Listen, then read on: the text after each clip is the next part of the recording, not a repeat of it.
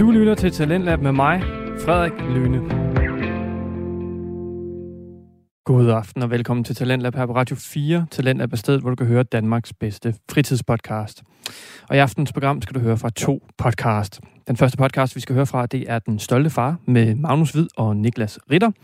Den Stolte Far er en samtale-podcast, hvor de to værter og fædre taler om deres egen børns opvækst og ikke mindst deres egen rejse ind i forældrerollen. I aften der skal vi høre del 2 af deres samtale med Lena Adelbert, som har en speciale i motiverende kommunikation og er stifter af forældrehjemmesiden moar.dk. Hvis du vil høre del 1 af deres samtale, så skal du lytte til Talentlab fra i går, hvilket du kan gøre inde på Radio 4's hjemmeside eller i vores app. Og i aftens anden time Talent der skal vi høre podcasten Fritid med Mads og Paul. Men først skal vi altså høre den stolte for far, hvor vi kommer direkte ind i samtalen, hvor det handler om Magnus' dreng Thomas og hans tendens til at bruge ord fra forskellige sprog. Blandt andet fordi hans mor er thai og hans far Magnus er dansk. Så smid alt, hvad du har i hænderne, lav en rigtig dejlig kop kaffe og slå dig ned i sofaen og lad dig underholde de næste to timer. Her kommer den stolte far. Hvornår, øh, altså hvor, hvor gammel vil de være, for de forstår sådan helt nøjagtigt af skældene? Det gør de i princippet fra begyndelsen af. Okay. Men altså, jeg mener, det er han stadig, han kan jo godt finde på at, at blande det sammen. Ja, ja, men det er ikke fordi, han på den måde ikke kan skælne. Altså det, det er fordi, han, det er det ord, han først kommer i tanke om. Det kender vi jo egentlig også godt lidt som, som voksne. Altså, jeg tænker, kender vi det, man man har en gang med samtale, lige pludselig, så skal du sige et ord, og så er det faktisk det engelske ord, der sidder, hvor, hvad fanden er nu, det er på dansk? Og så bliver man nødt til lige at sige det engelske ord for, når og det var det, det var. Mm. Så det kender jeg dig selv. Så det, det kan man vel også som voksen. Er det er det, det, der... Ja, der er jo mange af os danskere, som er sekventielt tosproget, hedder det. Altså, hvor det er, at vi næsten taler engelsk lige så godt, som vi taler dansk. Og at vi har lært engelsk efter at vi har lært at beherske dansk, men har lært det på et niveau, hvor det er, at vi kan tale det nemt, og derfor så kommer der også engelske udtryk ind en gang imellem, fordi det er det, vi lige føler giver bedre mening i forhold til det, som vi prøver at udtrykke. Det er der intet for gjort i. Det er ikke et spørgsmål, som sagt, det er ikke fordi, han er forvirret. Det er bare en kommunikationsstrategi. Ja, okay. Men vil det, altså, vil det give god mening i form af, altså fordi jeg, jeg ved ikke, jeg har jo en eller anden drøm om, at, øh, altså ja, selvfølgelig, at han gerne skulle kunne tale rigtig godt thai, øh, men jeg har også, altså jeg har, jeg har også en drøm om, at han skulle, at han vil klare sig bedre ved at kunne tale rigtig godt engelsk. At, altså, spiller det nogen rolle, om man går meget ind i det nu, når han dårligt nok er fyldt tre, eller man venter til han skal starte i skole næsten? Altså det kan give god mening, at han har de andre to sprogsystemer på plads. Så man fokuserer på dem først? Ja. Ja, ja når, det, når det er vigtigt, at det er det, han ligesom har. Plus, at selvom at I taler engelsk, så hvis I ikke behersker det på lige niveau som jeres modersmål, så vil I komme til at give ham nogle forkerte ting med. Mm. Og øh, derfor kan der jo så netop være argumenter for, at det giver bedre mening, at han så lærer det, når det er, at han starter i skole. Fordi så er de andre sprogsystemer på plads, og så kan han overføre det, og så bliver han ligesom sekventielt tosproget i forhold til det engelske, træsproget, så være i det her tilfælde. Ikke? Øhm, og så vil han så være simultant tosproget på henholdsvis thai og på dansk. Ja, cool. Hjemme hos os, og det er ikke noget med tosproghed, der, der det er fordi, jeg kommer til at tænke på, hjemme hos os, Eddie, han har ligesom forplantet sig selv i at sige, altså øh, en ballon hjemme hos os, ikke? det hedder alokke hos Eddie. Og det, det har bare sat sig fast. Og det er lige meget, hvor ofte og hvor tit vi siger ballon i stedet for. Vi ved jo godt, hvad alokka det betyder. Det har vi fundet ud af. Men, øh, men vi prøver virkelig at sige ballon. Men det har bare, det har bare plantet sig fast. Det der. Men det er en, en ballon, det er en alokka. Hvad, hvad kommer sådan noget så af? Det kan være det, fordi det er det, han ligesom har fået ind fra begyndelsen af. Altså det kan være, at det enten er sådan, han har hørt det, eller det er sådan, han har forstået det i en eller anden situation, og så er det netop noget, der har koblet sig fast. Der, der der er det ved det, at hvis der er flere øh, nerveceller op i hjernen, som aktiveres samtidig, så vil forbindelsen blive stærkere. Det er faktisk derfor, at vi kombinerer zoneterapien med højtlæsningen, fordi der er noget tryk, og der er noget fysisk kontakt, samtidig med, at de lærer ord for fod og tær og den slags ting, mens det er, der bliver trykket på foden og på tæerne. Og det gør, at den forbindelse, den bliver stærkere op i hjernen. Det lærer sig bedre op i hukommelsen. Og hvis han nu for eksempel har fået en ordentlig forskrækkelse, det er, kun, det er jo totalt tænkt scenarie, men lad os sige, at han har fået en ordentlig forskrækkelse af en ballon, som er balleret, og han så har hørt noget af Lokke, altså du ved noget, som Ja. har mindet om det ord for ham, så har den koblet sig op i hjernen, som sådan en, øh, det er måske ordentligt købet, nu ved jeg ikke, om han er bange for balloner. At Det er, jeg, jeg skulle særligt tænke på det, for det er bare overhovedet ikke. Nej. Altså det er mor og far derhjemme, der, øh, du ved, vi kan, du kan springe så mange balloner, og nogle gange så beder han dig om at springe balloner. Ja. Altså, det er ballon, han har noget med balloner, min søn. Ja. Han elsker balloner. Men det hedder det bare ikke, det hedder alokke hjemme Ja. hos os. Og alle andre steder. Han har simpelthen fået sådan en kærlighedsforhold til de balloner der. Det har han virkelig. Ja, men det kan ske, at han synes, at det er fantastisk, at de kan svæve, eller han har haft en eller anden sanselig oplevelse, som gør, at det bare lige sådan har sat sig på den måde. Og det er svært at sige 100%. Hvorfor? Men måden, I kommer det bedste i møde på, det er simpelthen gentagelse. Bare blive ved med at gentagelse, lov. gentagelse. Ja, fordi jeg kan, altså, nu har han har sagt alokke i for meget lang, lang, lang tid. Men jeg kan nemlig huske første gang, han sagde ballon. Det sagde han før, alokke. Mm. Og lige pludselig, sådan, så blev det til alokke. Og vi kan, altså, han er jo meget øh, glad for balloner, det er simpelthen så hyggeligt. Øh, men vi kan jo også komme, øh, altså hvis han ser et billede af en ballon, når vi kommer ned i vuggestuen, så står han alokke, alokke, og, og dem pædagogerne i vuggestuen ved altså ikke, at det betyder ballon, så de, siger, de står og gætter sådan, og så kan jeg lige sige, det, ved, at det, det betyder, betyder ballon. Nå, okay. Men det kan sagtens ske, at han tror, at han siger det rigtige. Ja, okay. Men så- at det bare ligesom ikke kommer ud på den rigtige måde. Ja. Okay. Jamen, jamen det, jeg synes bare, det er meget sjovt. Det er mega, altså der er det jo super nuttet. Altså man vil jo gerne have, at han skal sige ballon på et tidspunkt. Altså, Det skal han også komme til. han har det også med Ja. dyne, det er en gi. Ja. Det er de, de to ting, han har, som ikke øh, hedder deres rigtige ord, det er en gi. Og vi, vi bestræber os på derhjemme, og så ikke kalde det en gi. Skal du have gien? Nej, du- du skal have din dyne. Ja, gi, gi. Jamen, vi ved jo, hvad han mener. Men at, øh, ja, man kan vide, hvornår det kommer. Ja, og det er lidt svært at sige, altså præcis hvornår det kommer. Det, det er et spørgsmål om gentagelse, og samtidig tænker man også, altså hvor mange gange skal jeg gentage det? og du skal garanteret gentage det flere gange, end du nogensinde vil synes er Ja. rimeligt. Ja, men vi omdøber det bare til at lokke fra nu af. Det, det er simpelthen bare meget nemmere. Ja, det vedtager vi i retskrivningsordbogen. Ja, det synes jeg er en god idé. Det ansøger vi om. så kan han jo finde ud af det, når han selv står nede i brusen, når han er 14, og skal købe de skide balloner, ikke? Undskyld, hvor har I at lokke henne? Ja. Hvad er det, du snakker om? Jamen, de der, man puster op, du ved ikke. Ballonger. Nå, var det det, det hedder? Så har min far taget røven på mig igen. Ja.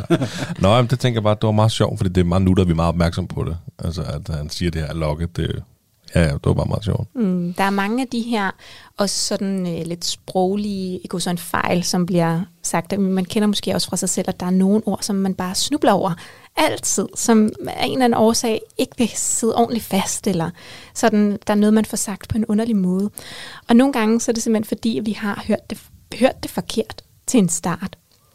Altså det har læret sig så, så stærkt inde i hjernen, at det er blevet læret på en gal måde. Så derfor så er det det, vi tænker. Altså det, det, det, der skal mere tankevirksomhed til at få sagt, hvad det rent faktisk er, eller det rigtige ord, fordi det er, altså, det er blevet hørt forkert. Nu måske også nogle gange, at børn, så hører de et eller andet om fra øh, bagsædet af, fordi vi snakker og snakker, og der er alt muligt. Der er musik i radioen, og der er noget støj, og der er en søster, der græder, eller hvad det nu måtte være. Og så har de hørt nogle ord tilstrækkeligt mange gange, og så er det ligesom det, der har lavet sig op i hjernen, og så er det det, der sådan fortsætter. Særligt også fordi de lyde, som vi, vi kan, sådan rent mundmotorisk, de ændrer sig også fra, ja, fra vi fødes til når vi bliver ældre og ældre. Øhm, så nogle af de første lyde, vi kan, det, det lydene, de, de udvikler sig udefra og ind, så er det sådan noget som M og B for eksempel, som er nogle af de første lyde, som vi behersker. Og så noget som K og R, og de her sådan, lyde, der kommer ned fra halsen af, det er nogle af dem, som de ligesom lærer senere. Så nogle gange så er det også et spørgsmål om, at de stadigvæk skal finde ud af, hvordan den her mundmotorik rent faktisk fungerer og kan styre deres tunge på en måde, sådan så at de får sagt ordene korrekt.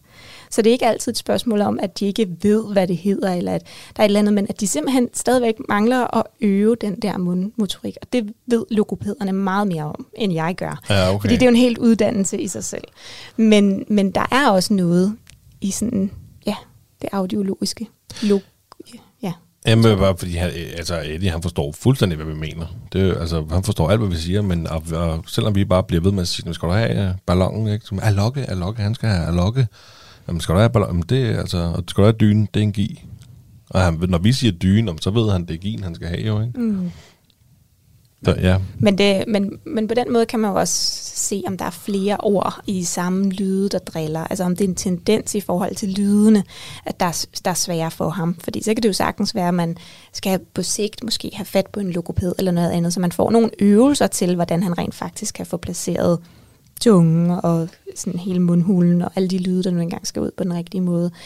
Men hvis det kun er de lyde lige nu, eller de ord, det er kun de to ord, vi har i, jeg Så- har i lommen. Der er ikke præcis. andet, heldigvis. Så- Eller hvad man kan sige. så er det formentlig bare, fordi han har Ja. hørt det forkert, eller at han prøver at sige det, men han, han gør sig uforståelig. Så det er jo også sådan en...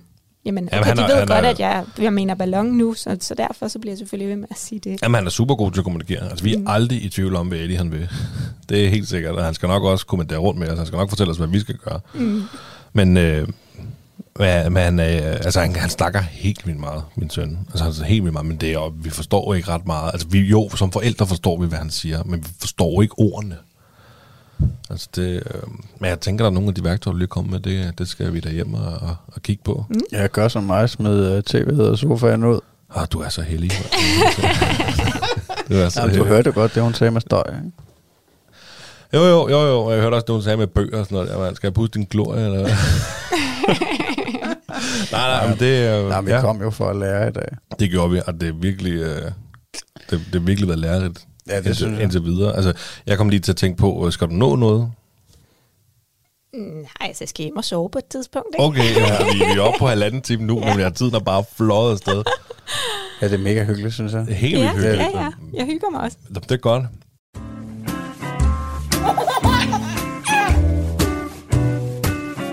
Det der, far. Jeg kom til at tænke på, du har din her, du har din Instagram, Ja. og der laver du de her små postes, Ja. eller hvad man kan opslag hedder det jo, ikke? Ja. hvor der lige er et lille ord. Ikke? Og der, øh, der er jo nogen, du, øh, nu har jeg lige selv nævnt det der med at mit barn, han kommanderer med, dig, med mig. Og der, øh, der, der har du også lavet et post, hvor der står, at du skal sidde der. Mm. Og du har også lavet en, der hedder øh, Slut med sut. Ja. Og der kom jeg til at tænke på, okay, fordi vi er inde i en situation nu, hvor vi prøver at, og mindre sut. Vi prøver at tage den frem, når han kommer hjem fra vuggestuen. Han har brugt ikke sut i vuggestuen, kun når han skal sove. Men så ligesom om, at så ligger den på en tyle, så får han den i munden, når vi er i bilen og alle de der ting der. Så får han den ud, når han, så tager vi den frem, når han kommer hjem. Og så, øh, når han skal sove. Men hvordan, øh, hvordan klarer vi den bedst? Det er noget, vi lige er begyndt på. Jamen, der er sådan lidt øh, forskellige metoder. Og det er jo også, altså det er sådan næsten et helt segment inde i medlemskabet for sig selv. Men altså, Okay, så, jeg, så jeg skal, skal jeg blive medlem, før du vil udtale dig? nej, nej, nej, nej, nej, nej, det er jo ikke derfor, jeg sagde det. Det er bare mere for at sige, at det kan godt være lidt mere nuanceret og omstændigt end som så. Okay. Men det, man kan gøre, det er jo i første omgang at beslutte sig for, okay, men hvornår er det okay med os, at han har sutten?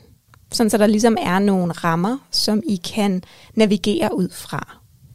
Fordi så kan I også bedre videreformidle det, og I kan også ligesom bedre selv finde ud af, hvornår er det ene okay, og hvornår er det andet ikke okay. Og selvfølgelig vil der være afvielser fra reglerne, sådan er det altid. Fordi samtidig kan det være, at han har et meget stort reguleringsbehov, for eksempel på bagkant af en dag i vuggestue, hvor det er, at han virkelig bare har rigtig meget brug for den sut. Og så kan man måske være mere okay med, at han har den. Men der er sådan lidt to måder, hvis han gerne skal afvendes fra sutten, hvis det er der, man er.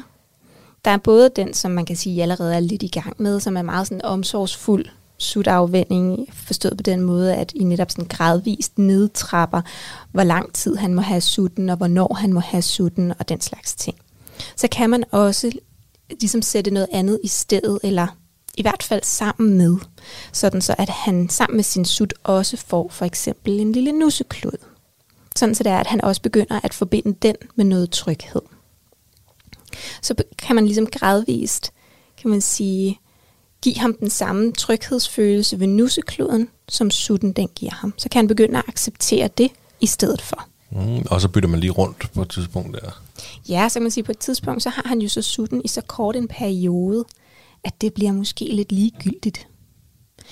Det andet, det er, at man tager en kold tyrker. Og man faktisk skriver nærmest et afskedsbrev, fordi det, føles, det kan føles for barnet, som om der nærmest er en, der er død. Altså så voldsomt kan det føles for barnet. Så derfor så kan det også være rart, at der faktisk er et ritual, hvor man får sagt farvel til sutterne, eller man netop får skrevet et afskedsbrev, eller at man sådan siger, okay, den dag sker det. Altså i overmorgen eller Men vil, for, vil. Eddie forstå det? Han er kun to år gammel, jo. Altså vil han forstå alt det? Eller er det for tidligt at, at, at køre den ind med afskedsbrevet og, og de ting? Det er der? nok lidt for tidligt. Ja, okay. Det vil jeg våge at sige, men, men så måske også tænke lidt over at tale lidt om, hvorfor han skal af med sutten nu. Ja, men altså, jeg, jeg har bare lagt mærke til, at, at den godt kunne virke sådan lidt overflødig. Ja. Altså han bare har den i munden for at have den i munden. Ja. Altså fordi hvis den ligger fremme, så ryger den i munden. Og- det, der har jeg jo også selv som far øh, haft ved vane, at hvis den lå fremme, og så ikke lade den se ud. Mm. Og, og så har jeg bare lagt mærke til, når jeg sidder og kigger på ham, og han ser lidt fjernsyn, eller han leger, eller sådan noget, altså nærmest den hænger lidt ud af munden på ham. Altså, Ja, Der ja. bliver ikke suttet på den. Nej, men så er den jo også overflødig. Ja. Så sæt nogle rammer for, hvornår I er okay med, at han har den sut. Og så ligesom følg dem for så vidt muligt, sådan så det er, at de ligesom har en gameplan for, hvornår skal sutten bruges, og i hvilket omfang, sådan så I også er enige om det derhjemme, og så følg det.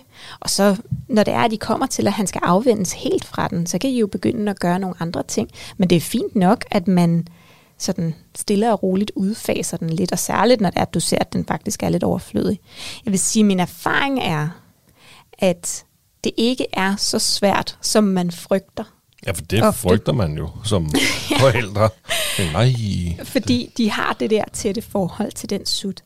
Men hvis man får forberedt sit barn nok på, hvad der skal ske, og hvad reglerne ligesom er omkring det, og hvad rammerne er, jamen, så vil langt de fleste måske så være kede af det i nogle dage, men så derefter komme videre. Så kan de savne sutten en gang imellem, og så taler man om sutten, ligesom man ville, hvis det var Oliver, der var død, ikke? Altså, så Ja, er det okay, at man savner sutten, og det kan man godt se, at det, så kan vi tale lidt om sutten, og så kan vi ligesom komme videre derfra. Så, så i første omgang handler det om, at I lige sådan bliver helt klar på, hvad vil I egentlig selv være med til? Og så forklare ham, hvad det er, at I gerne vil være med til, hvornår det er, at det er okay med sutten, eventuelt med nogle piktogrammer og den slags ting, sådan så han bedre kan visualisere det. Ja, okay. Ja, ja, fordi altså, vi, vi prøver, jeg prøver at sige til, til den lille, altså du ved, du, du kan få sutten, du får faktisk sutten, og så kan du få den, når du skal i seng. Så er ligesom er klar over, at øh, nu er det uden suttid. Mm. Ja, jamen, og så er det jo bare at være klar i mailet omkring det. Hvis det altid er sådan, jamen så kan det være, at I netop har nogle piktogrammer, hvor det er, at sengen og sutten er ved siden af hinanden, så ved han, okay, så er det, når det er, jeg skal i seng, at jeg kan få min sut. Ja, du har vel ikke nogen sut derovre, for din søn bruger ikke sut. Nej, han har været en gangster Ja, lige ja, siden han var baby. det. Nej, jeg har altid syntes, at, øh, at det var plat med den slut. Men, øh, ej, nu er det også mest for sjov, ikke? Altså. Men, men jeg er glad for, at han ikke har gået med sut. Men nej, jeg har ikke haft den. Altså, jeg skulle til at spørge om, øh, at, at fordi jeg har jo stadig den med, altså, der er du jo meget mere gangster, at du har øh, sørget for, at øh, du kan lægge din søn i hans egen seng og øh, putte ham, og du kan nærmest gå, inden han sover, ikke? Ja, jamen det kan jeg. Ja, Nå, jamen, jeg, jeg har også en Ja, glor, jeg ved kan få lov til at Det er pusse. også det, jeg mener, Ja. at den skal også pusses. Men øh, hvordan, øh, hvordan, hvordan forklarer jeg Thomas bedst, at han ikke kan øh, blive ved med at sove inde hos mor og far forever? Jamen det handler også om, at I lægger en plan. Ja.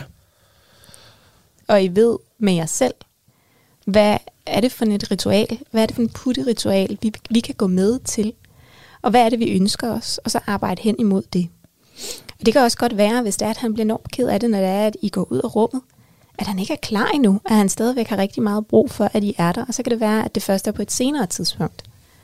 Så altså nu har jeg jo faktisk redigeret den bog, der hedder Putteritualet af Signe Ditlev Billet, som jeg bestemt kan anbefale, fordi den går netop ind på mange af de her forskellige punkter, om hvad man kan gøre både med meget aktive børn omkring putning og øh, udfasning af flaske eller netarmning, eller hvad det nu måtte være, eller der skal en anden på banen, hvis det er, at øh, han skal passes ude, eller så en masse af de her situationer, som jeg helt sikkert kan anbefale, hvis det er, at man netop tumler lidt med nogle af de ting. Men altså først trin er at skabe det putteritual, skrive det ned simpelthen, trin for trin.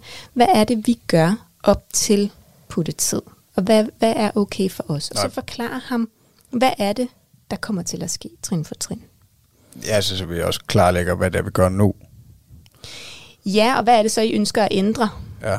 Ja, fordi at, at, altså jeg føler jo lidt, at fejlen er, at vi har kørt det totalt alt for meget freestyle, og vi ikke har, at vi nok ikke har lavet et putte-ritual. Altså det tænker jeg, at vi ville have været nødt til, hvis vi skulle have haft succes med det tidligere, så skulle vi have lavet et putte-ritual, hvor at han blev lagt ind ved sig selv. Ikke? Vi har jo kun prøvet det nogle gange.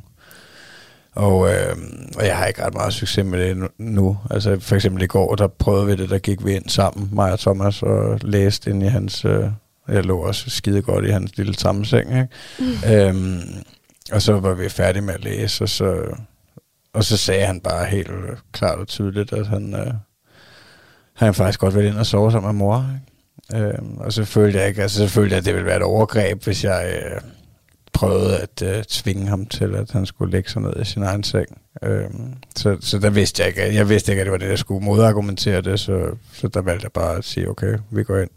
Vi går ind og sover i vores seng, du mm. vinder. Ja, jamen altså, og hvis, hvis det er okay, så er der ikke noget galt i det.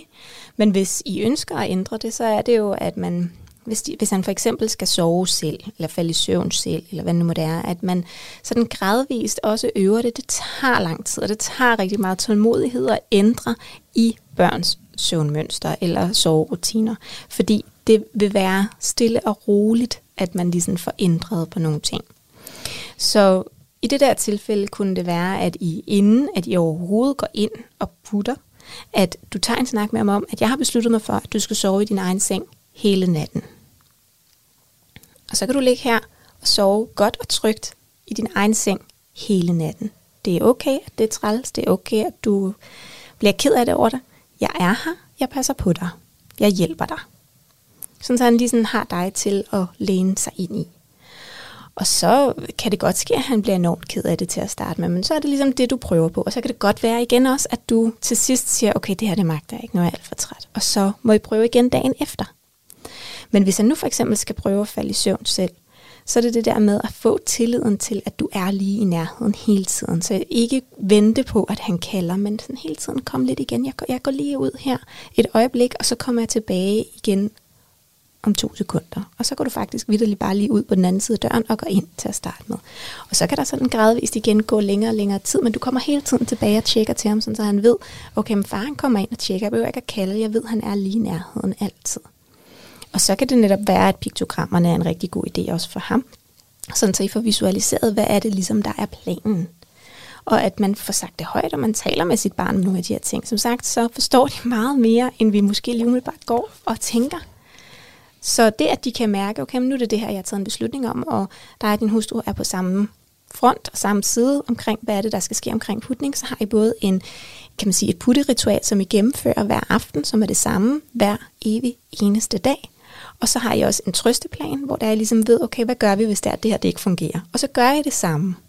Og så er det, man ligesom gradvist ændrer det på den måde. Men det kræver i første omgang, at de voksne kan tage førerrollen i, hvad er det, der skal ske? Fordi ellers så vil barnet jo bare gøre, som det plejer, eller søge jer, fordi de kan mærke, at der er noget usikkerhed, og måske det endda også kan få sådan lidt en, i så en ond spiral, fordi jo mere usikkerhed, eller jo mere de kan mærke, at vi synes, det her det er træls, så fjerner vi os jo. Så fjerner vi os fra relationen. Vi fjerner noget af vores varme til vores barn, fordi det bliver for meget for os. Så vi går også i en eller anden sådan forsvars øh, situation eller forsvarsmode. Og det gør, at de faktisk vil søge os endnu mere.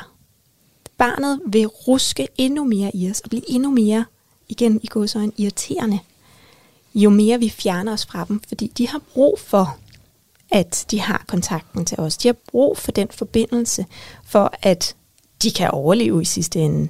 Så det er det instinkt, der ligesom træder i kraft hos dem. Så, så det, det tydelige lederskab er klart vejen frem, særligt når det er, at vi ønsker at ændre noget som søvn for eksempel. Altså jeg skal være en bedre alfa på en eller anden måde, men stadigvæk få skabt en enorm tryghed i, øh, i de nye ritualer. Ja, involver ham i, hvad planen er. Ja. Sådan, så det ikke er noget, han føler, der bliver gjort mod ham, men det er noget, der bliver gjort med ham. Ja. Jamen det, og det har vi også snakket om før, det her med, at, at, man, at vi jo faktisk kan tale med dem og forberede dem på mere, end vi lige regner med. Altså, øh, jeg havde et eksempel med for lang tid siden, øh, det er tilbage til jul, tror jeg, at øh, vi skulle ud og covid-testes, og Thomas havde aldrig prøvet det før, og jeg havde overhovedet ikke forberedt ham på det. Altså jeg har slet ikke øh, fortalt ham om det, og, øh, og det lykkedes jo overhovedet ikke. Det gik jo sådan rent udsagt af helvede til, og det var ren held, at, øh, at podedamen, hun øh, sagde fra og sagde, at det, det går ikke det her, det, I bliver nødt til at tage hjem og, og øve det, hvis I skal komme igen en anden dag og gøre det. Altså, hvor jeg var nok mere klar til at, øh, at bare holde ham lidt og så få ham podet, øh, men det gjorde vi heldigvis ikke.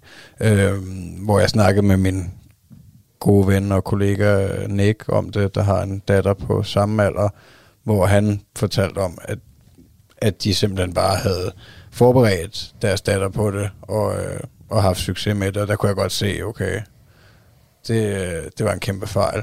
Øhm, og siden da har jeg faktisk prøvet at involvere ham mere i, når der skal ske et eller andet. Øhm, og føler også, at, øh, at jeg har succes med, at, at hvis der skal ske et eller andet stort, hvis vi skal et eller andet, der måske kan være lidt svært, så øh, måske en hel uge gå og snakke om det og sige, på fredag, der skal vi sådan og sådan. Mm. Du lytter til Radio 4. Vi er i gang med første time til Talentlab her på Radio 4, og vi er lige nu i gang med at høre samtale-podcasten Den Stolte Far med Magnus Hvid og Niklas Ritter, som har besøg af gæst Lena Adelbert, som har et speciale i motiverende kommunikation. Og vi skal nu høre om vigtigheden ved at forberede sit barn på, hvad der kommer til at ske i løbet af dagen. Så lad os bare vende tilbage til podcasten. Forberedelsen gør en kolossal forskel i alle situationer, alle overgangssituationer, i alle nye situationer, hvor vi eh, egentlig ikke, altså, vi kommer nogle gange til at tage lidt for givet som voksne, hvad det er, der skal ske, fordi vi har oplevet det så mange gange før. Så vi tænker måske ikke, at det skulle være noget særligt, at de skal have børstet tænder, eller skal ud af døren, eller skal afleveres i vuggestue, eller hvad det nu måtte være. Men det, at barnet er forberedt, sådan helt trin for trin, ned i detaljer på, hvad er det, der skal ske. Jeg arbejder lidt med det, der hedder klar-modellen, som er, at vi har klar K, som er klar gør. Gør dig selv klar, sådan så du er fuldstændig forberedt på selv, hvad er det her, der skal foregå? Hvad er det, der skal ske i den her overgangssituation, sådan så du netop kan være rolig, og du kan have lederskabet og føretrøjen på, selvfølgelig, og det skal jeg huske at understrege, hvis vores børn er kede af det, så skal vi altid trøste dem uanset hvad. Så, alt, så, så den er ligesom altid gyldig. Det næste, det er L. Altså, I er klar. L, lad dit barn kende planen. Hvad er det ligesom, der skal til at ske? Jamen altså, klokken 8 skal vi afsted til vuggestue, eller på fredag, der skal du podes, og det betyder sådan og sådan. Altså, hvor det er, man for eksempel også kan øve det med, at, med rollespil, eller man kan gøre det på bamsen, at man kan øve, hvad det, der skal ske, eller man kan læse en bog om det, eller bare tale om det. A, det afklarer detaljerne. Altså helt ned i, vi går ind af lågen, efter vi er kommet ind på den anden side af lågen, så går vi hen til håndvasken, hvor vi vasker dine hænder. Så siger jeg godmorgen til pædagogen, og siger, har du sovet godt? Et eller andet, hvad det nu måtte være. Har du haft en god dag? Hvad det nu måtte være. Sådan så, at vi lige sådan trin for trin forført vores børn igennem. Hvad betyder det? Det her det er en vatpind, hvis det nu var det der tilfælde med øh, coronatesten. Og den vatpind, den er så lang, den ser sådan her ud, og den kommer ned i halsen. Det kan også være, der findes et hav af YouTube-videoer af alskens situationer, hvor det er, at de nogle gange, altså man skal selvfølgelig lige huske selv at kigge den igennem først, ikke? fordi man ved aldrig, hvad der findes på YouTube. Men når man så ligesom har kigget det igennem, og man ser, okay, det her det er faktisk en trin for trin fortælling af, hvad er det, der foregår, når vi er hos lægen, eller tandlægen, eller hvad det nu måtte være. Det kan også bare være sådan noget som at komme ud af døren, hvor det er, jamen altså, så tager du jakken på, du tager din højre arm ind i højre ærme, så tager du dit venstre, øh, venstre arm ind i venstre ærme, så har du din jakke på, bagefter tager du din hue på, sådan så det er, at det kommer helt ned i detaljer. Er, som jo er det sidste i klar strategien, det er, at du rækker ud. Du giver dit barn ansvaret for en lille opgave. Det kan være, at barnet nu, i den alder, som jeres børn har, selv skal vælge, hvilken bamse de gerne vil pakke med i tasken. Eller at de netop selv kan få lov til at vælge, om de vil have gummistøvler eller sneaks på den dag. Eller ja, at de kan få lov til at bære indkøbsposen på vej hjem et eller andet. Altså selvfølgelig, så er der jo ikke særlig meget den indkøbspose, det er jeg godt klar over. Men bare det, at de ligesom får en medindflydelse på den her situation, og de også får et medansvar for situationen. Når de bliver lidt ældre, så er det sådan noget med, jamen, hvad vil du gerne have, vi fortæller lægen, når du skal til den her fireårsundersøgelse? Eller hvad kunne du godt tænke dig, at vi gjorde efter et eller andet? At vi har været til tandlægen. Altså sådan så, at de får en chance for lige sådan at have lidt indflydelse på det, og de ligesom er fuldstændig klar på, hvad er det, der forventes. Også det der med, når det er, at vi netop skal ud af døren om morgenen. Hvis vi selv står og nærmest kun har underbukser og BH på i mit tilfælde, og sådan, nu skal jeg også ud af døren om fem minutter. Ja, mine børn, de kigger på mig og siger, ja, der går nok lidt mere end fem minutter i morgen. er du selv klar, eller hvad? Ja, lige præcis. Ja. Så dur det ikke. Altså, men hvis jeg står med mit overtøj og mine sko på, og jeg har forberedt dem undervejs, så ved de godt, okay, men nu er det jo sådan set så tid til at gå. Det kan jeg godt få øje på.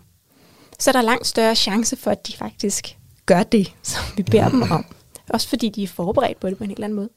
Jamen, altså, jeg synes faktisk, at den måde, du beskriver det på, minder en smule om vores morgenrutiner, øh, når han skal i vuggestue, Eddie. Øh, altså, vi, øh, vi gør os selv klar, og så gør vi Eddie klar, og vi fortæller ham, nu skal du i vuggestue, nu skal du i vuggestue snart, eller nu skal vi snart ud af døren, eller nu skal vi ud af døren. Altså, måske ikke helt så detaljeret, som, som du nævner, at man kunne gøre, men, og, og det fungerer rigtig godt at, at få ham i vuggestue. Det er ikke nogen problem at få ham ud af døren, og han, han vil rigtig gerne i vuggestue. Og er glad hele vejen ind, til man kommer til stuen. Så kan det godt være, så, så vil han ikke give slip. Det er oftest mig, der afleverer. Øhm, så har han svært ved at give slip på mig. Så jeg, jeg, der, der, der har jeg lidt svært ved at finde ud af, hvordan jeg sådan, som forældre takler den situation. For det, det kan jo godt være svært. For, også fordi han netop er glad hele vejen ind til stuen. Altså, og det er ligesom om, øh, når vi kommer ind, så tager vi hans tøj af, og han får selv lov til at lægge skoene på plads, og så hænger jakken op, og sutten bliver lagt op på hylden. Og så skal vi ligesom ind ad en dør, hvor han så, nå, så vil han op, det er fint, han kommer op på min arm, og så går vi sammen ind, og så siger vi godmorgen. Og der er ikke ret mange børn derinde, fordi vi afleverer ham lige efter, de har åbnet der. Eller jeg gør, og, øh, og så ligesom om, der, så fryser han. Og jeg, jeg ved, jeg, ved, jeg har lidt svært ved at, at finde ud af, hvordan jeg takler den situation, eller hvordan får jeg bedst overdraget ham til vuggestuen, eller til pædagogerne, uden, uden at han bliver ked af det. Altså, det er måske ikke altid, der kommer gråd, men han bliver sådan, mm, mm. Og holder fast i mig, og vil ikke rigtig, at sådan, Eddie, gå nu over til Mia eksempelvis. Eller, og, og der er heldigvis et barn, vi kan lokke med, for det, han er rigtig gode venner med en, en, en sød dreng, der hedder Kian. Så hvis Kian er mødt inden Eddie, det kan ligesom hjælpe lidt på situationen. Jamen, så kan du at Kian sidder derovre, kan du gå og lege med ham, eller sætte dog, men jeg har lidt svært ved, hvordan jeg skal gribe den anden. Mm, det kan jeg godt forstå. Også fordi det skærer jo i hjertet på os, hvis vores børn de ja, netop det, græder ved adskillelsen. Ikke? Det gør det helt bestemt. Men det er, det er kun naturligt, at de mærker den sorg ved adskillelsen. Fordi de vil jo allerhelst være sammen med os forældre, hvis de selv kunne vælge. Så når det er, at du står i den der situation, så i første omgang, så det er igen det der med at være tydelig, vide selv, hvad er det, der kommer til at ske, og måske endda også have talt med pædagogerne om, hvad er ligesom vores procedure, når det er, at jeg kommer med Eddie om morgenen.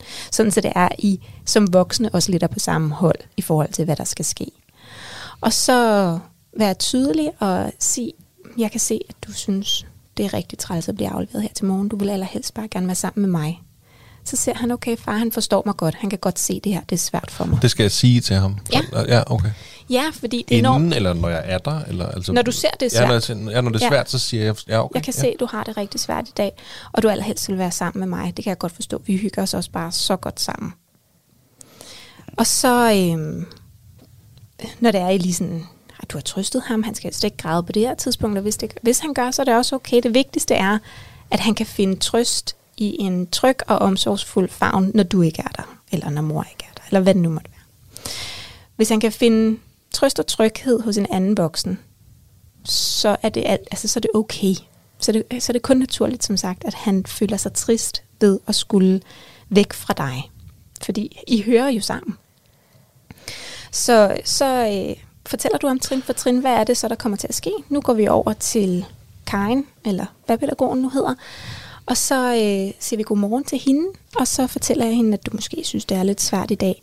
Men jeg er sikker på, at Karin passer rigtig godt på dig, fordi jeg synes, Karin er rigtig, rigtig sød. Og så går jeg jo så over til Karin og siger, nu går vi herover, og så siger du, nu giver jeg dig til Karin, og så kysser jeg dig farvel, og så ses vi, når du har sovet lur, eller hvornår det nu er, at han så nogle gange bliver hentet. Og så gør du det, som du siger. Altså sådan, så du faktisk er sådan et kommentatorspor på, hvad det er, der sker. Det er faktisk for lige hurtigt at, at trække en tråd til det her med den sproglige udvikling. Så det at være kommentatorspor på sin tilværelse, det er faktisk også rigtig godt for den sproglige udvikling. Fordi vi jo hele tiden så får i tale sat både, hvad det indre liv øh, indebærer, men også alt det ydre omkring os. Og så på den måde får de også flere ord for det. Men det skaber også en stor tryghed. Fordi det føles næsten som om, man er et trin foran, hvad der rent faktisk sker, når det er, at vores, altså i dit tilfælde, at du ligesom får sagt højt, hvad er det, der sker, sådan så det er, at han lige næsten bliver forberedt allerede i situationen, ikke? Og så taler om på vej over til børne- eller til vuggestuen, hvad er det, der skal ske, når vi kommer ind. Vi går ind ad lågen og så videre, og så går vi hen til håndvasken, og som sagt, alle de her sådan små detaljer, sådan så det er, at han er med på, hvad er det, der kommer til at ske. Det giver en kæmpe tryghed. Og så netop når du så afleverer, så gør du det, som du siger, så, så afleverer du også på trods af, at han er ked af det, nu giver jeg dig til Karen, og så siger vi farvel, og vi ses igen, når du har sovet mm. lur. Og så vinker du farvel og siger hej hej. Og så Jamen, det kan jeg godt se, at jeg i hvert fald... Øh, altså, jeg skal, jeg skal prøve at gå med i detaljer og mere sådan... Altså, det lyder rigtig godt, det du siger. Altså, fordi det gør jeg ikke. Jeg gør det ikke på den måde. Jeg, jeg, jeg prøver at sige... Øh, at du, nu skal du over til Mia, du ved, kan du gå over til Mia? Det er faktisk bare det, jeg gør, og så ligesom puffer ham lidt i numsten, du ved, ikke? og så, ah, heller ikke, og så krammer jeg ham lige, og så får han mm. selvfølgelig ekstra motivation. Nu skal du, og, og, og pædagogerne er jo super søde, og de ved også godt lige med Eddie, at øh, der skal de lige være lidt mere omfavnende. For der er jo også andre børn, der bare kommer løven ind og siger, fuck dig far, jeg har i vuggestue, og så er der andre børn, der er endnu værre end Eddie, fordi mm. det, det skal slet ikke lyde som om Eddie er svær at aflevere. Det er han ikke, men der er, der, der er stor kontrast fra hele vejen hjemmefra, mm til vi står, altså for han, han vi virker på ham, som om han rigtig gerne vil vuggestue, og det er mm. hyggeligt, og jeg, ej, så skal du lege med Kian, eller så skal du lege med de andre børn, eller nu skal du i vuggestue, eller de der ting. Og der er han bare glad og sådan mm. noget, men det, der, så kommer vi ind til, hvor han skal afleveres. Mm. Så, så, så kunne det godt virke på ham, som om han bare synes, det var fedt, så far også bare blev her. Ja, og det vil han også. Ja, jamen, helt det vil han også men, synes. Men, men far skal gange, arbejde jo. Så. Ja, men der er også nogle gange det i overgangen i sig selv, der kan være svært. Altså alle overgange, når de skal gå fra en ting til noget andet, der kan det godt blive lidt, lidt mudret. Og det her med netop at skulle tage afsked med sin mor eller far, når det er, at man så skal i vuggestue eller børnehave, det, er bare ikke rart. Altså, de kommer til at savne enormt meget. I kan også lege lidt med det, som jeg kalder kærlighedssnoren. Jeg ved ikke, om du har set den på Instagram også. Men ellers så er det, hvor at man, den har vi i hvert fald med vores piger, hvor det er, at vi altid hører sammen. Forstået på den måde, at vi faktisk fysisk til en begyndelse har haft et altså en snor imellem os, eller et tog, eller sådan et eller andet, som vi sådan har kunnet trække i. Sådan så, at barnet mærker, okay, når jeg trækker i den her snor, så følger min far med. Og du så ligesom leger med, okay, vi har den her snor, fordi vi hører sammen. Den her snor gør, at vi, vi er bundet sammen for altid, uanset hvor vi er henne i verden. Den her snor, den findes også, selvom vi tager den væk. Der er en usynlig kærlighedssnor imellem os. Vi hører sammen, uanset hvor vi er henne i verden, fordi vi har den her usynlige kærlighedssnor imellem os. Jeg kan mærke, når du trækker i den snor. Og det kan vi jo faktisk også, fordi det er det, du mærker, når du går, og du har det rigtig dårligt indeni. Det er helt sikkert. Der er, altså, så I ja. hører jo sammen, fordi I er forbundet. Og så øhm, netop, så prøv at fjerne den der snor, og så prøv at lade som om, du trækker i den. Og du så, han, at du følger med ham, når han trækker i den, og omvendt også, at, at han følger med dig. Sådan så I ligesom får øvet den der. Og så kan du minde ham om, når I så står i de her afleveringssituationer, at I jo hører sammen, uanset hvor jeg er henne i verden. Og at I har den forbindelse sammen, fordi I har jeres usynlige kærlighedssnor. Det kan også være alt muligt andet. Nu er det kærlighedssnoren, som vi bruger typisk. Det kan også være et kys, man gemmer i lommen, eller et eller andet øh, ninja-agtig, øh, man Nå, laver. Ej, men det, altså, som det behøver det ikke at være. Men, det kærlighedsnor, det lyder meget godt. Men, men jeg synes, at den kærlighedsnor, den fungerer enormt godt, fordi det giver den der tryghed af, okay, men selvom far ikke er her, eller selvom mor ikke er her, så ved jeg, at hun kan mærke mig et eller andet sted. Altså, vi hører sammen, uanset hvad. Og så de dage, hvor jeg kan mærke, at de måske har savnet mig rigtig meget, så er det sådan, ej, hvad kan jeg mærke, at du har trukket den kærlighedsnor hele dagen? Sådan, ja, det har jeg virkelig. Og det er jo okay at have savnet. Altså, og lige i situationen at kan det være en fordel, at man i tale sætter noget mere, som jeg glæder mig til at se dig igen, i stedet for, at jeg kommer også til at savne dig. Bare fordi det har en lidt anden klang. Altså det, det er rarere, at man bliver glædet. Altså at man glæder sig til at se nogen, end at man bliver savnet. Øh, selvom at meningen nok er den samme. Ja, jeg, jeg, jeg tror hverken kan sige, at øh, jeg glæder mig til at se dig, eller at øh, jeg kommer til at savne dig. Så jeg kan ikke sige til ham, at jeg har savnet ham mm. hver eneste dag. Det, er sådan, mm. det, det tror jeg sådan har været en vane for dag et dag. Yeah. Og for det, det har man jo, det ved alle forældre, man har, uanset hvor man har været yeah. væk fra sit barn i 10 minutter eller et døgn eller sådan noget, så man, man har altid savnet sit barn. Ikke? Nå, det er bare lige, kan det blive overflødigt for, for sådan et barn? Nej, Hvis jeg det siger er okay. det, bare sådan, altså... det, er jo, det er jo en kærlighedserklæring på lige Ja, okay. fod. Øh, og mange gange, så når det er, at vi siger det sådan lidt ud af det blå, så er det jo enormt rart for barnet også at høre. Det er rart for barnet at høre, jeg synes, du er dejlig at være sammen med, eller du fortæller mig altid nogle gode historier, eller du får mig til at grine helt ned i maven, eller jeg synes bare, at du er et vidunderligt menneske. At få fortalt det, fuldstændig uopfordret af sine forældre, er jo bare dejligt. Mm. Altså, så, så gør endelig det. og Jeg gør glæder mig det til at se dig. Det skal jeg altså huske. Det, er- det skal jeg huske de der, fordi det, det, det skal da ikke lyde som om, det er et kendt, ja, det har jeg jo lige sagt før, det er jo ikke et gigantisk problem, men, men lige den der, mm. hvor at, øh, han skal over, der kan det godt være sådan lidt, øh, ja, det er selvfølgelig aldrig rart, og jeg vil jo bare ønske, at han bare løb pædagogerne i armene, og tænker, Ja. ah, fedt mand, hej, hej far, vi ses, ikke? Og det, de dage har vi også, det har vi helt sikkert, men der, den, kan, den kan godt være svær en gang imellem Ja. lige at, Og det er kun naturligt, at han har det sådan, men han tager ikke skade af det, når det er, at han har en tryg voksen. Og blive trøstet hos. Og så kan det godt være, at der er et lidt øget reguleringsbehov på bagkant, hvor det er, at han så har et større fysisk behov måske også, for lige sådan at være tæt på dig, eller han har, har mere brug for sutten, eller noget andet der på bagkant af, når det er, at han bliver hentet igen, eller han bliver mere fjollet, eller der er sådan et eller andet, fordi han ligesom er fyldt op. Men det er helt naturligt, og det er, altså, det er kun normalt. Og så er det jo netop, at vi som forældre og voksne er med til at hjælpe vores børn til at regulere de følelser og ligesom etablere den forbindelse igen. For eksempel ved så at lege med kærlighedssnoren, eller lave en anden tilknytningsaktivitet. Gemmeleg for eksempel har den samme funktion. Nå, men det kunne, det kunne, det noget, det kunne, det, det kunne, det kunne være meget sjovt at bruge. Han kan meget godt lide hive ting. Ja, Vi har Ja. også nogle der, øh, ah, så griner du rigtig derovre. Vi har sådan nogle, øh, sådan nogle elastikker, tykke elastikker, der kan blive helt vildt lange, uden de knækker. Du ved, han elsker, at så holder jeg fast i den, og så hiver han alt, hvad han kan. Og så, Ja. altså, så det kunne da godt være, at man skulle afbryde det der kærlighedssnor. Ja, Jeg synes, altså, jeg synes også, det er super godt råd, det der med at sætte øh, ord på hans følelser. Det har jeg også, øh, jeg tror, jeg har hørt dig snakke om det før på Instagram, og, øh, og ja, det synes jeg bare er et enormt godt værktøj, at, at især i den situation der, at, at du kan se, at øh, han er ked af det og utryg, og at man så fortæller ham om det. Men er, er det i bund og grund øh, meget unaturligt for dem at være så meget adskilt, som, som vi jo er? Altså, vi snakker jo tit om det, at institutionen nærmest er mere sammen med børnene, yeah. end vi er. Altså er det i bund og grund øh, forkert, hvordan vi har bygget vores samfund op på den måde? Uh, det kunne godt åbne op for en meget stor diskussion, ikke? Men, men øh, altså, øhm, det vigtigste er jo, at både forældre altså, og børn trives i det, i den forstand, at, at familien kan hænge sammen, mm. og at det kan fungere. Og det er jo forskelligt, hvordan vi nu engang har indrettet os. Jeg har jo personligt selv blandt andet startet selv, selvstændigt for at have mere fleksible arbejdstider, for at kunne være mere sammen med mine børn. Fordi altså sådan teoretisk set, så vil børnene i hvert fald helst være sammen med os, hvis de kunne. Øhm, måske endda altså helt op til i hvert fald treårsalderen, og måske også mere end det. Øh, men nu er det jo så nu ikke engang sådan, vores samfund er indrettet. Og der er jo mange af os, som skal afsted på arbejde, og altså min egen mand arbejder også fra 9 til 5.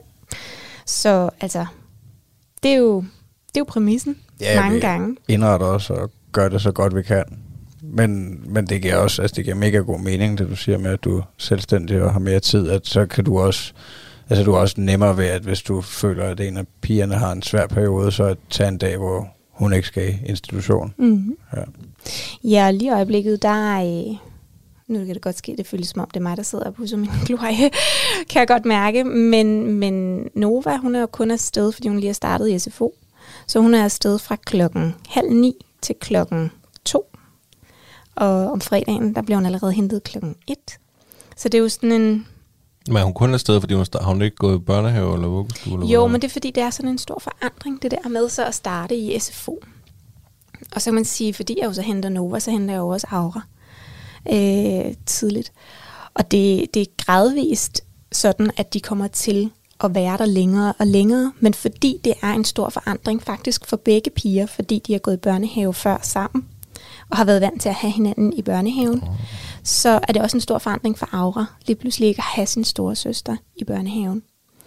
Og for Nova, der er det noget helt andet. Hun går nu på en skole, eller en SFO, hvor der er mange flere børn, der er voksne, hun slet ikke kender. Hun kender ikke en eneste, hun har ikke en eneste ven med fra børnehaven heller. Og det startede hun jo her i maj. Så hun er jo enormt meget på overarbejde, sådan rent socialt, selvom hun er godt med ellers, og en populær pige i øvrigt, så skal hun jo samarbejde enormt meget. Og der skete faktisk det så, så sent som i dag, at så skulle vi over i Netto, efter at de havde været afsted, og hun var sådan, jeg gider ikke afsted, mor. Jeg bliver her. Jeg vil ikke med. Du kan bare gå. Jeg vil ikke med. Og sådan, jeg vil rigtig gerne have dig med, skattepige. Jeg kan ligesom ikke gå i Netto uden dig, vel? altså, og så står man der med alle sine talenter, og fordi jeg, jeg kan ikke tvinge hende afsted. Altså hun vil ingen sted. Hvor hun jo selv faktisk får sat ord på og siger, jeg føler bare, der er nogen, der skal bestemme over mig hele dagen. I voksne, I har regler hele tiden, som jeg skal indordne mig efter, og det gider jeg bare ikke mere. Så nu gider jeg ikke afsted sammen med dig. Og jeg kan jo jeg kan godt følge hende, og hun, kom, hun er jo lige startet her i SFO'en. Der er nye regler, der er nye rammer, der er en hel masse ting, hun skal indordne sig. Og udover det, så er det jo bare et kæmpe område, sådan en folkeskole, ikke? Altså i forhold til ens børnehave, som er indhegnet og har sin egen lille legeplads. Og i øvrigt, så kommer hun fra at være i en børnehave, hvor hun er, hvad skal man sige, har været en af de ældste, og hun har altid været godt med sprogligt, og hun er den, som de mere eller mindre alle sammen har stået på række for at ville lege med. Så hun kommer fra, altså hun har haft det rigtig godt i børnehaven, og hun har det også godt nu, fordi de andre vil også rigtig gerne lege med hende. Hun er både kreativ og kan finde på alt muligt fantasifulde lege, og hun kan også øh, tage en bold og spille fodbold. Så der er mange børn, som jo gerne vil lege med hende. Hun er god til at sætte legene i gang. Men det gør, hun er rigtig meget på overarbejde. Og det kan jeg jo også mærke, at nu er det blevet bedre. Nu, så, nu udtrykker hun faktisk selv, at hun gerne vil blive længere tid, fordi hun nu har fundet nogle ting, der er sjove, og hun begynder ligesom at have etableret nogle af sine legerelationer på en måde, så det er, at hun finder større tryghed i de legerelationer. Og så er det, at vi gradvist kan begynde at udvide den tid, hvor hun så er der. Men jeg har valgt, at hun til en start kun har været der i det tidsrum, hun absolut skal være der. Sådan så, at hun kan komme hjem i trygt farvand, og lige sådan få styr på sit indre. Og øh, kunne regulere og flippe, hvis det er det, hun har haft brug for, og netop stå der på sin ret og sige, jeg rykker mig ikke ud af flækken, mor. altså, og jeg kan godt se, hvad der er, der foregår. Og nu kan man sige, hun er jo også mit barn, så det der med sådan at få et tale sat. Jeg føler også bare, det er fordi, alle bestemmer over mig. Og jeg også siger, men ved du hvad, jeg kan godt se, at det er smadret træls at blive bestemt over en hel dag. Det vil jeg også selv synes var så irriterende. Det forstår jeg godt. Og så lige være stille et øjeblik. Og afvent, hvordan reagerer hun på den der. Okay, min mor hun forstod faktisk godt, hvad det var, jeg følte, og hvad det var, at jeg mente. Hun har selv haft det på samme måde. Så siger jeg også til hende, at fordi vi har sådan noget, der hedder børnebestemmerdag en gang imellem, siger jeg, jeg tror faktisk, det er alt for lang tid siden, vi har haft en børnebestemmerdag. Så det synes jeg, vi skal kigge i kalenderen og finde, fordi jeg kan mærke på dig, at du har brug for, at du får lov til at bestemme noget mere, og jeg vil gerne give dig lov til at prøve at bestemme noget mere. Så nu synes jeg, vi skal få den børnebestemmerdag i kalenderen, og så kan du bestemme, om vi skal have, hvad var det, jeg sagde, gulerødder eller agurk ned i vognen først, eller du kan få lov til at bestemme én ting over i slikafdelingen, som vi tager med i dag. Så havde hun lige sådan lidt medindflydelse, og så hun sådan lige, hun skulle sådan lige sunde sig lidt, og så hun bare sådan, okay, så tager jeg i hvert fald heller ikke jakke på. Det er også i orden. og så kom hun med, ikke? Altså det lykkedes, I kom i Netto? Ja, ja, vi kom i Netto. Ja. Men det kræver noget, altså det kræver jo noget overskud også, og noget, altså det, at man, hun både har mulighed for at sige højt, hvad, hvad er det, der ligger bag det, at hun ikke vil følge med, og at hun ved, at jeg respekterer, at det er okay, at hun har det sådan.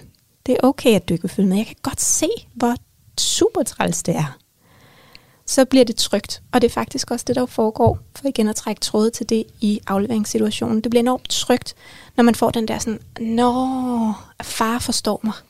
Han ved godt, hvad det er, der er på færre.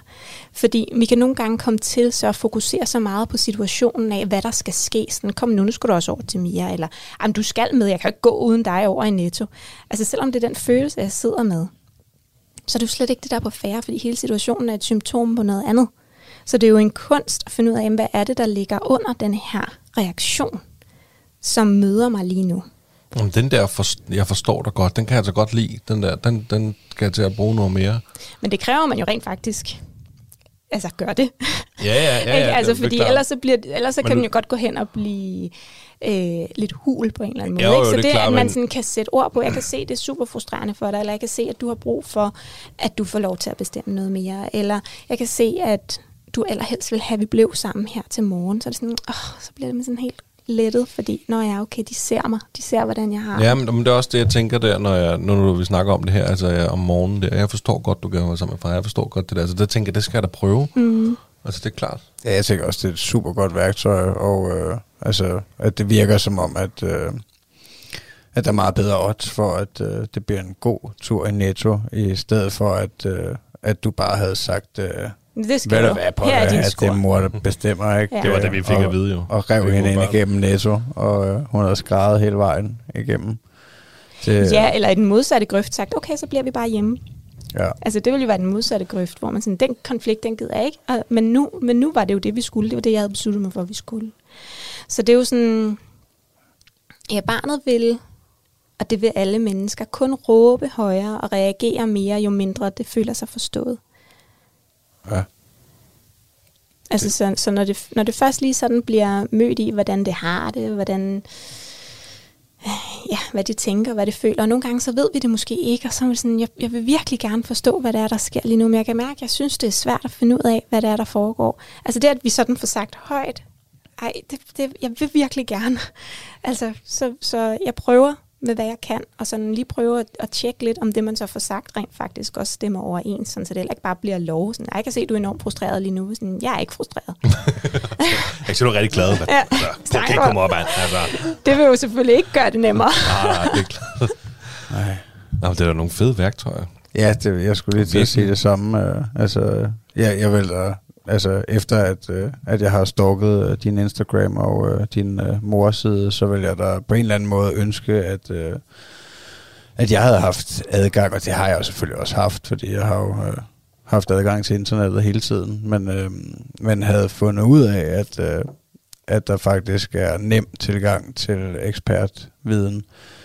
Altså hvor at man kan sige, at, at en af grundene til, at vi startede den her podcast, det var jo også for at, at tale sammen om det at være forældre, og altså, jeg tror specielt mænd er ikke uh, altid rigtig gode til at uh, fortælle om tingene, men, uh, men altså, vi er jo begge to gået ud af 9. klasse, og det er meget, meget begrænset, hvad vi ved om børn i det hele taget, så jeg vil sige, man, jeg føler, man kan få utrolig meget gavn af at uh, følge dig på Instagram, Lena Adalbert. Jo, tak. Og, uh, og gå ind og, øh, og tjekke din, øh, din hjemmeside ud.